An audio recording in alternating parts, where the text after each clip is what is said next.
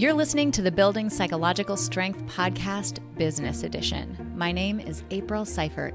Not only am I a doctoral level psychologist, but I've been a successful entrepreneur for a number of years and have learned firsthand that building psychological strength can have a direct impact on your business success. In this Friday edition of the podcast, I'll offer you tools, tips, tricks, and information to help you become stronger, more resilient, and more successful. Let's get to it. Ed Ralph said, It's not about work life balance, it's about work life integration. And both Dolly Parton and Hillary Clinton are credited with saying something to the extent of, Don't get so busy making a living that you forget to make a life. Today is the third and final installment of our three part series about the importance of uncovering our top personal values and using them as a guiding principle or as a compass to help us make some of our most difficult decisions. If you haven't caught my most recent two Friday episodes, the other t- or the most recent ones that you'll see in your podcast feed, you'll definitely want to catch them after this because in them I made the case for the importance of uncovering your top values and I talked about how you can use your values as a way to help set and maintain boundaries with your clients and your customers. Now, today, I want to get a little bit more personal with this third episode in this series. I want to talk about the intersection of our work as entrepreneurs and our personal lives. Now, I've yet to meet a successful entrepreneur who hasn't had at least some trouble with the intersection of their business and their personal lives. I mean, heck, I bet everyone listening to this, whether you're an entrepreneur or not, has Googled the phrase work life balance at one time or another. But for entrepreneurs and business owners, it's on a whole other level. And that's why we're diving in today. As it turns out, some good, honest self awareness and a crystal clear idea of what your values are goes a long way in this domain. So let's dive in there. If you've listened to me for a while and you've heard me tell my personal story, or if you listen to my TEDx talk, you know that my dad's death from cancer when I was 11 years old has radically shaped the way that I think about, the way that I design, and the way that I experience my own life. And this includes my business. So, for those who haven't heard me tell my story, I'll give you the really short and sweet version. So, my dad passed away from cancer when I was 11, and years after he died, I was in grad school. And I was sitting there one day and I realized that I wasn't doing many of the things that I wanted to be doing deep down. And it was mostly out of fear of failure and fear of imperfection. And it hit me life is finite, our time is finite. And I asked myself the question what would my dad give to have the opportunity that I'm wasting right now? And my life changed that day, and I am not being dramatic. I began living with intention. I thought hard about how I spent my time and who I spent it with. I began living like my life depended on it. Because guess what, you guys? It does. And that mindset is one of the things that allowed me to take the plunge into entrepreneurship. I mean, when you realize how precious life is, taking risks becomes a bit less scary. And sometimes taking the edge off is all we need to take that first step into something scary. So, how we spend our time and who we spend it with is critically important. It literally is our life experience. However, now that I've been an entrepreneur for a while, I've come to realize that the way that we strike the balance of what we spend our time on, it's a bit unique.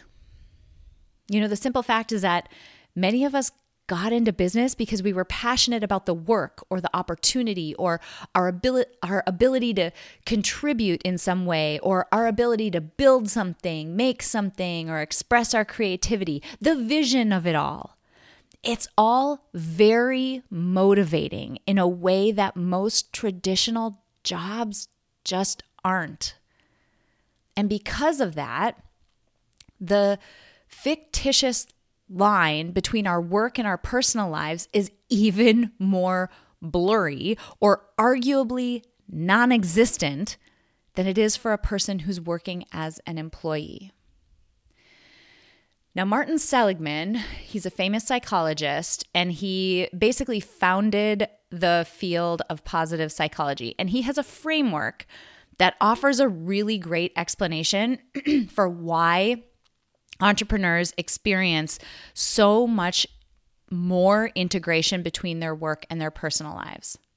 So his framework uses the acronym PERMA, P E R M A, to delineate the five main factors that drive well being, or what he calls, quote, the good life. These factors are positive emotion, engagement, relationships, meaning, and achievement. Let's take a quick pause. I'm going to say those again really slowly, and I want you to think about how they relate to your work as an entrepreneur. Okay, here we go, really slowly. Positive emotion, engagement, relationships, meaning, and achievement. The blurred line between our work as entrepreneurs and our personal life is non existent, in my opinion, partially because for many of us, our entrepreneurial ventures feed into each of these five factors. I certainly get a ton of positive emotion from my work. Most of my days are really great.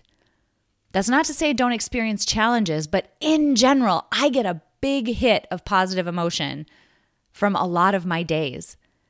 And I do feel a deep sense of engagement or flow, as another word that you might have heard, a deep sense of engagement or flow when I'm working. And part of the success that I've had so far is due to the deep and meaningful relationships that I've cultivated and intentionally developed with people in my network. And when it boils down to it, my work does have meaning. I truly feel like I'm helping people in so many ways with my work, and that's deeply meaningful for me. And finally, I experience a sense of achievement on a daily basis. Overcoming struggles is part of the experience. And it feels amazing to know that I have figured it out. Like, what an achievement.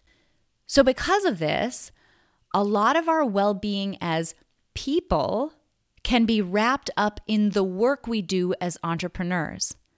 Much more so than what I experienced when I was an employee. And please don't misunderstand when I say that. I worked for incredible companies on incredible teams, on work that was important.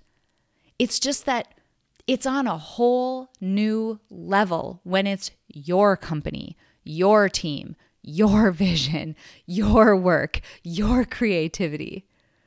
So, knowing how to strike a balance between work and life can be incredibly difficult for us, for entrepreneurs.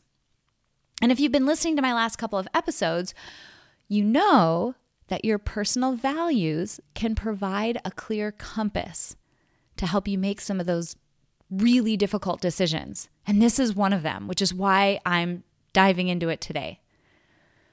Now, if you've done the work to figure out what your top five values are, look at them from the lens of work life integration.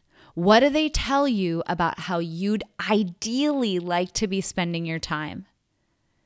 If we're being honest, as entrepreneurs, your ideal proportion and ratio might look very different than other people's. For example, it's extremely important to me to experience a sense of I don't know what the overarching word for these three are, but it basically bubbles up to freedom, individuality, and creativity. That's like one important thing for me. And one way I get to express and live that value is through my work, through the agency I have as a business owner to choose what I work on next and how to focus my energy. Another value of mine involves mentoring. Now, in my work, I live this value by teaching other aspiring entrepreneurs through this podcast and through my direct leadership of people who work for me. In my personal life, I deeply live this value as a mom to two young girls. There's a balance, yet an integration there. And I encourage you to think through what your ideal balance or integration looks like and use your personal values as a guide. Now, I know what you're going to say. There's no way I'll hit that ideal. Of course you won't. That's not the point. The point is to know what that ideal is so you have something to point at. You have a direction to go because without it, you'll risk moving in the wrong direction. You'll risk living unintentionally and by chance rather than by design. And remember, life and time are precious commodities. Now, once you have that ideal, begin brainstorming ways you can iterate closer to it. Now, if you're working currently 60, 70, or more hours per week right now, take a deep breath and give yourself some time. It's going to take some time to steer the ship back into alignment, and that's okay. What matters more than perfection or speed is intentionality. Getting that ideal balance or integration is probably a better word. Getting it crystal clear and having it be values driven so that you're pointing in a direction that you are intentionally choosing and you're slowly bringing the ship back into alignment with that direction.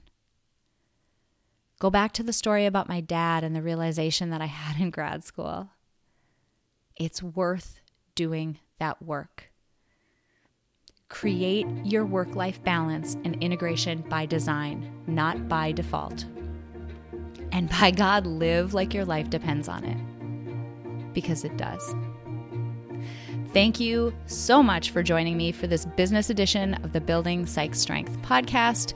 If you're an entrepreneur, current, or aspiring, and you're interested in becoming more successful, hit the subscribe button.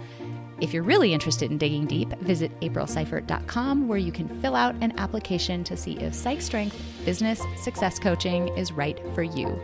Until next week, be strong, be resilient, and be successful.